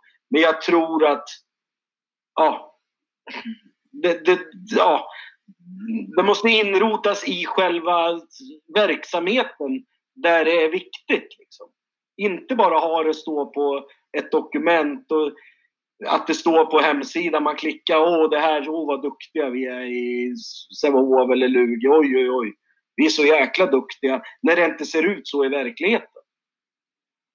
Det är ju ett problem. Sen vill jag då påpeka att det, det finns många fina ledare och lag i Sävehof ja, och Lugi. Ja, absolut. Men det, och det finns också många jävla rötägg. Ja, och jag håller inte riktigt med dig där. Det finns eh, säkert bättre och sämre ledare i alla föreningar. Men de flesta ledarna är nog rätt bra. Men ibland skulle man vilja komma in i huvudet på fler ungdomsledare och, och, och fundera över vad det är som får dem att ticka, vad, vad det är som får dem att fungera. Så är det ju. Men jag tycker så här är med att jag har tänkt tillbaka mycket på det här eh, mot som det var mot eh, som det var förr liksom. Man såg eh, ledare som hade tagit ut 12 spelare och så fick sju spela i en seriematch. Så, sånt såg jag ofta liksom när man växte upp. Eh, och var, ja, för vi säger 10-15 år sedan. Mm. Men jag tycker man ser oerhört mycket mindre och mindre av det. Eh, just de här sjuka exemplen. Jag vet inte hur er erfarenhet är av det, men det känns som att, om att det blir liksom, det är lite mer, eh, det är bättre nu än vad det var förr när det gäller sådana saker. Jag, ty jag tycker också att eh, beskedet kommer fram kring att selektering är inte så jäkla listigt om vi vill behålla spelare och man kan spela i USM om man har 20-25 spelare eller 30 spelare så kan man ju spela med två lag också. Man behöver inte ha första lag och andra lag när man är ett yngre lag. Utan det handlar om det som ni var inne på tidigare. Det handlar om att få in en kämpaanda i varje spelare. Oavsett hur bra eller hur dålig man är så gör man sitt bästa och tar i och får feedback på det, på sin prestation och inte inte alltid på att vinna eh, kortsiktigt resultat. Jag håller med dig där Viri. Jag ser också färre.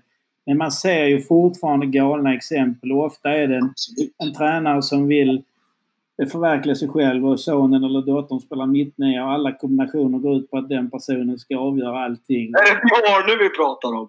Vad sa du? Nej, jag skojar.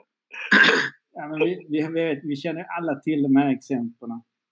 Pojkar, ja, jag, jag har en eh, stor fråga till er och avrunda mitt segment på här. Vi hade kunnat prata hela kvällen. Detta är så himla roligt att prata med er. Ni, ni verkligen brinner för handbollen och därför så har jag en stor fråga till er. Som handlar om svensk eh, handboll i stort och den svenska modellen. Den bygger ju på ideella ledare. I, I Sverige är vi kända för mycket struktur, mycket lagspel, bra fysik. Spelarna ska ha stort ansvar de ska tänka själva. Eh, och då undrar jag lite grann eh, vad är det som du gillar mest med den svenska modellen? Och vad är det du ogillar mest? Vi har varit lite inne på detta tidigare men vi börjar med dig Virre. Vad är det du gillar när du ser ett svenskt landslag eller ett Aranäslag åker till Prag och spelar handboll? Vad är det du gillar med det sättet som vi uppför oss på och vad är det du ser, vad ser du för bekymmer med detta?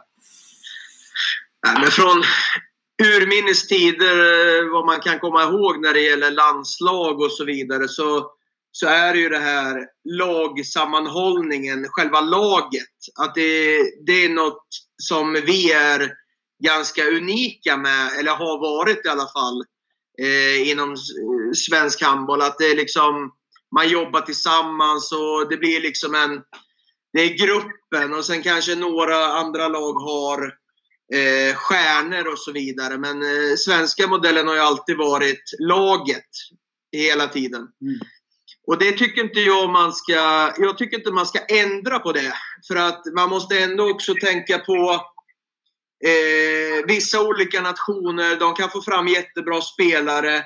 Men de har också liksom anställda tränare från att de är 12 år och kan eh, de gör det här för att överleva och så vidare. Alltså det, det är en överle och blir de proffs så kan de försörja sina föräldrar och så vidare. Alltså, det är en helt annan mentalitet. Så jag tror att jag tror att jag tycker inte man ska ändra så jävla mycket när det gäller det. För det tror jag ändå sitter i alla svenskars DNA. Att det, det är liksom laget och laget och laget. Eh, så, så det tycker jag inte man ska ändra på. Sen som Stocken har varit inne på, liksom att jag tror att det blir ofta blir det väldigt, vad ska man säga, att alla spelare ska kunna allt. Eh, där kanske andra nationer fokuserar på att bli, eh, vissa spelare blir eh, bäst på någonting. Eh, och det jag tycker svenska modellen är att alla ska kunna allt. Och det är väl det jag tycker att det är väl den största skillnaden om man säger så. Eh, på olika landslag och så vidare. Men eh, jag tycker definitivt inte att man ska ändra på något sätt när det gäller eh, just det. För det tycker jag är våran, det är våran eh, modell. Liksom, att starka lag, pålästa, kämpande och så vidare. Spännande. Men vi kan bara lägga till lite specialist, spetskompetens på vissa spelare. Så, så blir det bra. Men vi, det, laget är det viktigaste. Mm. Ja. Härligt. Vad tänker du Stocken på detta? Eh, om den svenska modellen? Vad är, vad är Nej, alltså det är ju, alltså, ja. Nej, men det är ju så, vi, vi är ju sådana från modersmjölken. Liksom att vi, det, vi är som en enhet, vi är ett lag. Och det, det, är, ju, det är ju Sverige bäst på. Så där ska man ju, jag tycker det är en bra, alltså det är en, det är en bra grundpelare i, i svensk idrott. Eller svensk eh, alltså, lagidrott överlag. Liksom att, eh, det är laget som vinner, det är inte individer som vinner. Eh, men sen det, det, jag saknar just nu bland eh, våra landslag, både dam och herrlandslag, det är en identitet. Alltså, vad, alltså sätta en identitet. Alltså att vi ska vara bäst på någonting. Vi ska vinna på det här sättet.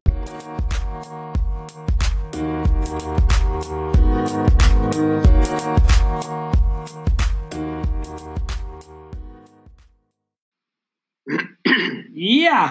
Då kommer vi in på det sista segmentet idag med våra kära gäster Virre och Stocken. Och först måste jag kolla en sak med er.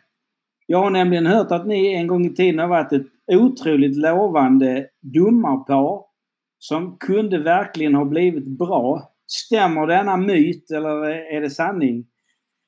Vi, eh, vi var bra. Vi hade en eh, jäkla bra eh, spelförståelse skulle jag vilja säga. Det var väl det vi levde på. Dock så hade vi en grej som inte var lika bra. Det var Cooper-testet. Man kan säga att Cooper förstörde vår domarkarriär. Nej, men vi var, vi var faktiskt ganska bra. Vi dömde till och med Sverigecupfinal. Jag tror jag pojkar 83 och då är jag Birre född 80 och jag född 81. Eh, och senare vart ju de här Jasmin Klik och Micke Johansson, de vart för Sveriges bästa domarpar och de fick bara döma matchen tredje pris. Och vi dömde finalen så någonstans säger väl att vi hade en viss talang för det men ja. Eh, ja. Nej, men vi, jag tror att vi var duktiga. Vi var, framförallt så var vi sådär, vi sprang inte och lyssnade vad ledare sa utan vi, vi körde våran grej liksom och försökte ha en bra, bra stämning på banan. Men vad var kravet på Cooperstocken? Mest så vi får någon relation liksom till... Tre, tre kilometer, tolv minuter. Ja. Så vi... Vi, vi klarar aldrig det. Nej, det är ingen av oss som hade klarat det idag här, tror jag, i dagens podd. Va? Men hörni... Charlotte hade gjort det. Han är ju... Han är ju Ernst nu. Sanotti är ju smal, men eh, jag vet inte hur, hur rask han är i steget. Hörrni... Jag kan säga så här, jag hade inte klarat det i alla fall. Nej, inte jag heller. Virre, vad ska vi göra för att få fler eh, att döma? Eh, I de flesta distrikten i Sverige så har... Hey, men, ta om frågan, det bröts lite där. Ja, eh, vi har lite domarbrist i många distrikt i Sverige. Vad ska vi göra för att få fler ungdomar att börja döma? Nej, jag, jag som jobbar i en förening eh, känner ju vad problemet är. Det är att bara i min förening har jag utbildat kanske 300 domare de sista 3-4 åren. Genom att de, eh, vi utbildar alla 16-åringar uppåt eh, till att döma minihandboll och de här minsta. Men att gå från förening till att de ska komma in i distriktens verksamhet, där är det dött. Alltså eh, förbunden måste ha en uppsökande verksamhet där att de kommer ut i föreningarna, eh, utbildar alla som vill bli domare där. Eh, istället för att bara skicka ut en kallelse att de ska åka fem mil till någon, eh, oh, något ställe där, där de har plockat ihop ett gäng. Liksom. Utan allting ligger på förbunden eller distriktsförbunden att komma ut till föreningarna, utbilda på plats och då kan de ju få 100% påslag om vad de har just nu. Jag tror att det stämmer till en viss del eh, för att vi tänker lite i, i de termerna där jag jobbar. Men finns det inte någonting föreningarna kan göra då? Jo, självklart. Eh, eh, självklart är det så. Eh, promota promota liksom att de ska fortsätta att döma på något sätt. Men samtidigt är det så här att det händer så mycket annat i deras liv. Liksom. Och de som verkligen vill, de, de går ju. Men om vill man få fram mer domare så är det det som krävs. Det är jobbet. Ja. Stocken, vad är dina tankar? Hur ska vi få fler eh, domare? Oj, oj, oj arvodet. Nej, men alltså ja. Nej, men alltså jag, jag, jag, tror att det är problemet också. Det är ju, jag tror alla de stora föreningarna har att deras ungdomar ska börja döma minihandboll och sådär. Uh, nej, alltså det är så jäkla svårt. Jag vet inte om jag har något bra svar till det. Men jag, ja. Jag vet inte varför vi började döma vid det. Det var för att vi tyckte att domarna var så jäkla dåliga själva. Liksom. Nej, det var för pengarna. Ja, det var pengarna. ja, det var det men, men Emma och jag sitter ju och tjatar eh, dag ut och dag in där på Skånes handbollförbund och, vi är lite inne på så att eh, alltså det, det är många handbollsstjärnor och handbollsspelare som är ganska stora på, på eh, Insta och så. Med Bella har ju flera tusentals följare och så här. Men, men, men våra stora domare liksom. Alltså, är, inte våra elitdomare jävligt anonyma och jävligt svåråtkomliga? Alltså det, det, är inte så att de säljer sitt yrke så jävla bra liksom. Nej, men det, är, det, det har ju hänt mycket. Titta när Broman och de här, de var ju lite mer öppna. Alltså, ja det finns ju inga direkta profiler i domarsverige. Alltså det är ju skydd, det, det skyddat verk. Ja, att det finns dock men, men men om vi inte vet att det är en profil så är det ju ingen profil. Nej. Nej, men det är, jag tror att det, det känns som att de nästan vill ha det så. Att de vill leva i sin egna lilla bubbla, sin egna värld. Liksom. Eh, det är i alla fall känslan när man träffar de här. Eh, ja, sådär. Men, ja, men du, du har ju exempel på motsatsen från andra sidan sundet där vi sitter. Mm. Vad menar du då? Nej, men alltså vad heter de två med Hansen. Geding Hansen. De är ju nationella kändisar och syns i ja. sociala medier och är med i TV-studion titt som tätt och utbildar och förklarar för folk. Och, eh, danskarna kör ju med, med en kamera på, på domarna och äh, mikrofon på domarna så man hör där de utbildar folk. Alltså vår tanke är att vi ska göra det coolare för ungdomar att döma vi ska få upp respekten för domaryrket på ett annat sätt. Idag är det mest så att domarna får en massa skit hela tiden för att de gör fel. Vilket är helt orimligt eftersom vi som tränare och vi som spelare och som publik gör fel hela tiden så måste ju domarna också göra fel. Men om vi får upp kunskapsnivån och eh, kanske lite på gång nu här med den nya domarutbildningen där det även finns en öppen, öppen portal där man kan gå in som allmänt handbollsintresserad och lära sig regler för att regelkunskapen är ju ganska låg ute i landet, är min känsla. Att kan vi få upp det lite så blir det kanske lättare att döma också. Vi har ett bekymmer. Vi behöver ha fler domare och vi behöver ha skickligare domare. Nej, men det är som du säger, man måste höja statusen på det. Ja. Alltså att eh, ja, det är häftigt att vara domare. Ja.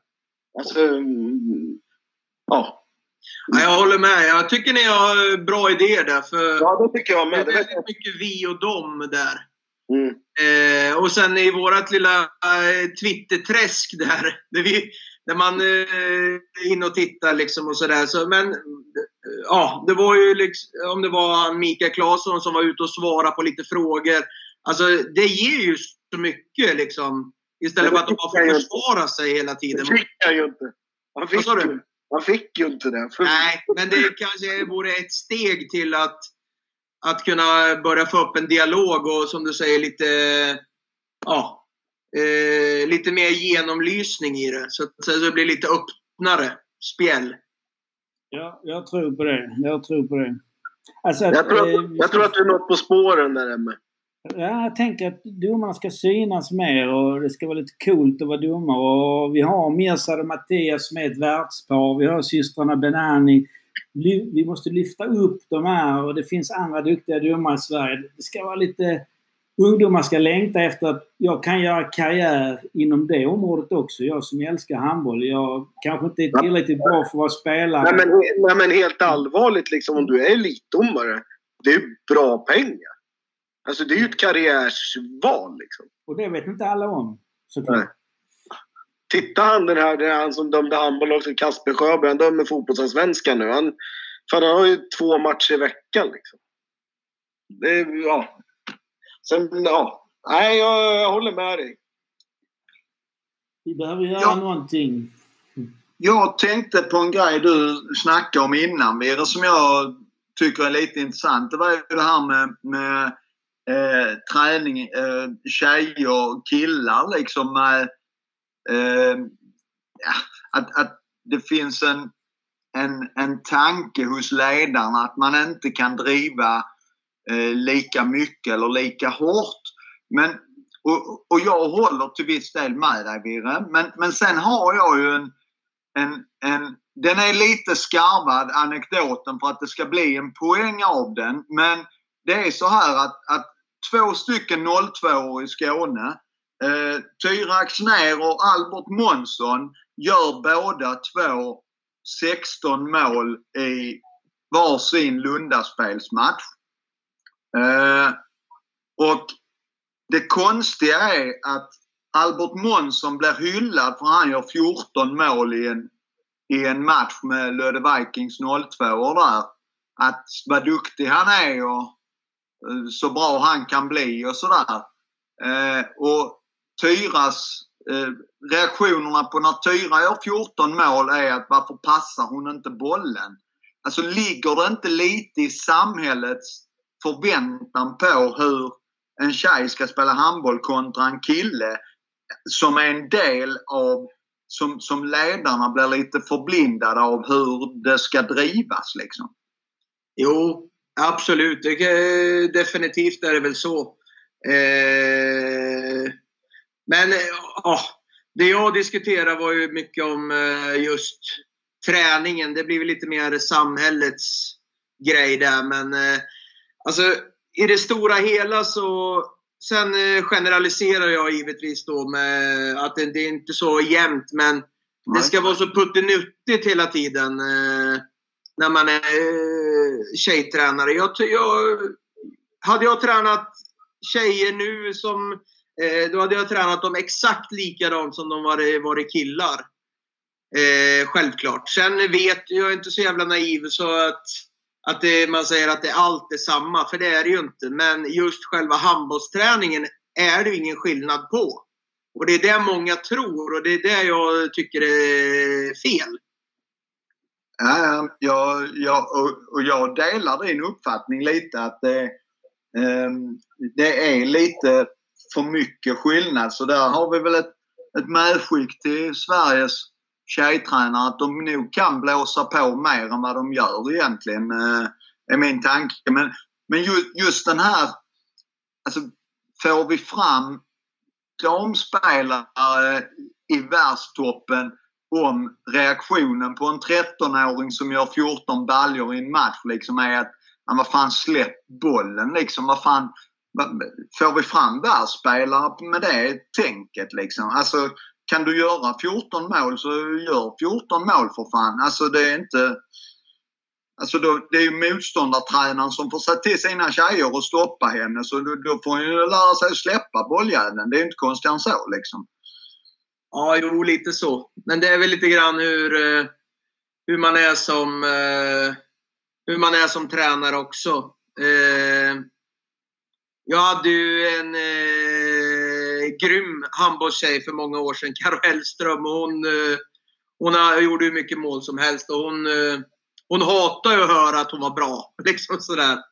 Men eh, ja, till skillnad då från eh, Ludde Hallbäck som eh, snittar 17 mål i serierna. Och, eh, ja, det är lite grann hur, hur samhället är lite grann också. Det, och det är väl lite det vi får, man får försöka ändra. Mm sen givetvis så... Ja. Eh, alla, allt har sina för och nackdelar, så är det ju. Jag kan bara säga en sak. Jag har ju inte tränat så jättemycket över jättemycket tjejer. Men jag kan säga en sak bara nu på gymnasiet, eh, Partille, som jag hade, hade jag ju två år här. Jag kan säga jag tyckte det var tusen gånger roligare att träna tjejerna. Mycket, mycket roligare. Mycket mer lyhörda och mycket mer nyfikna.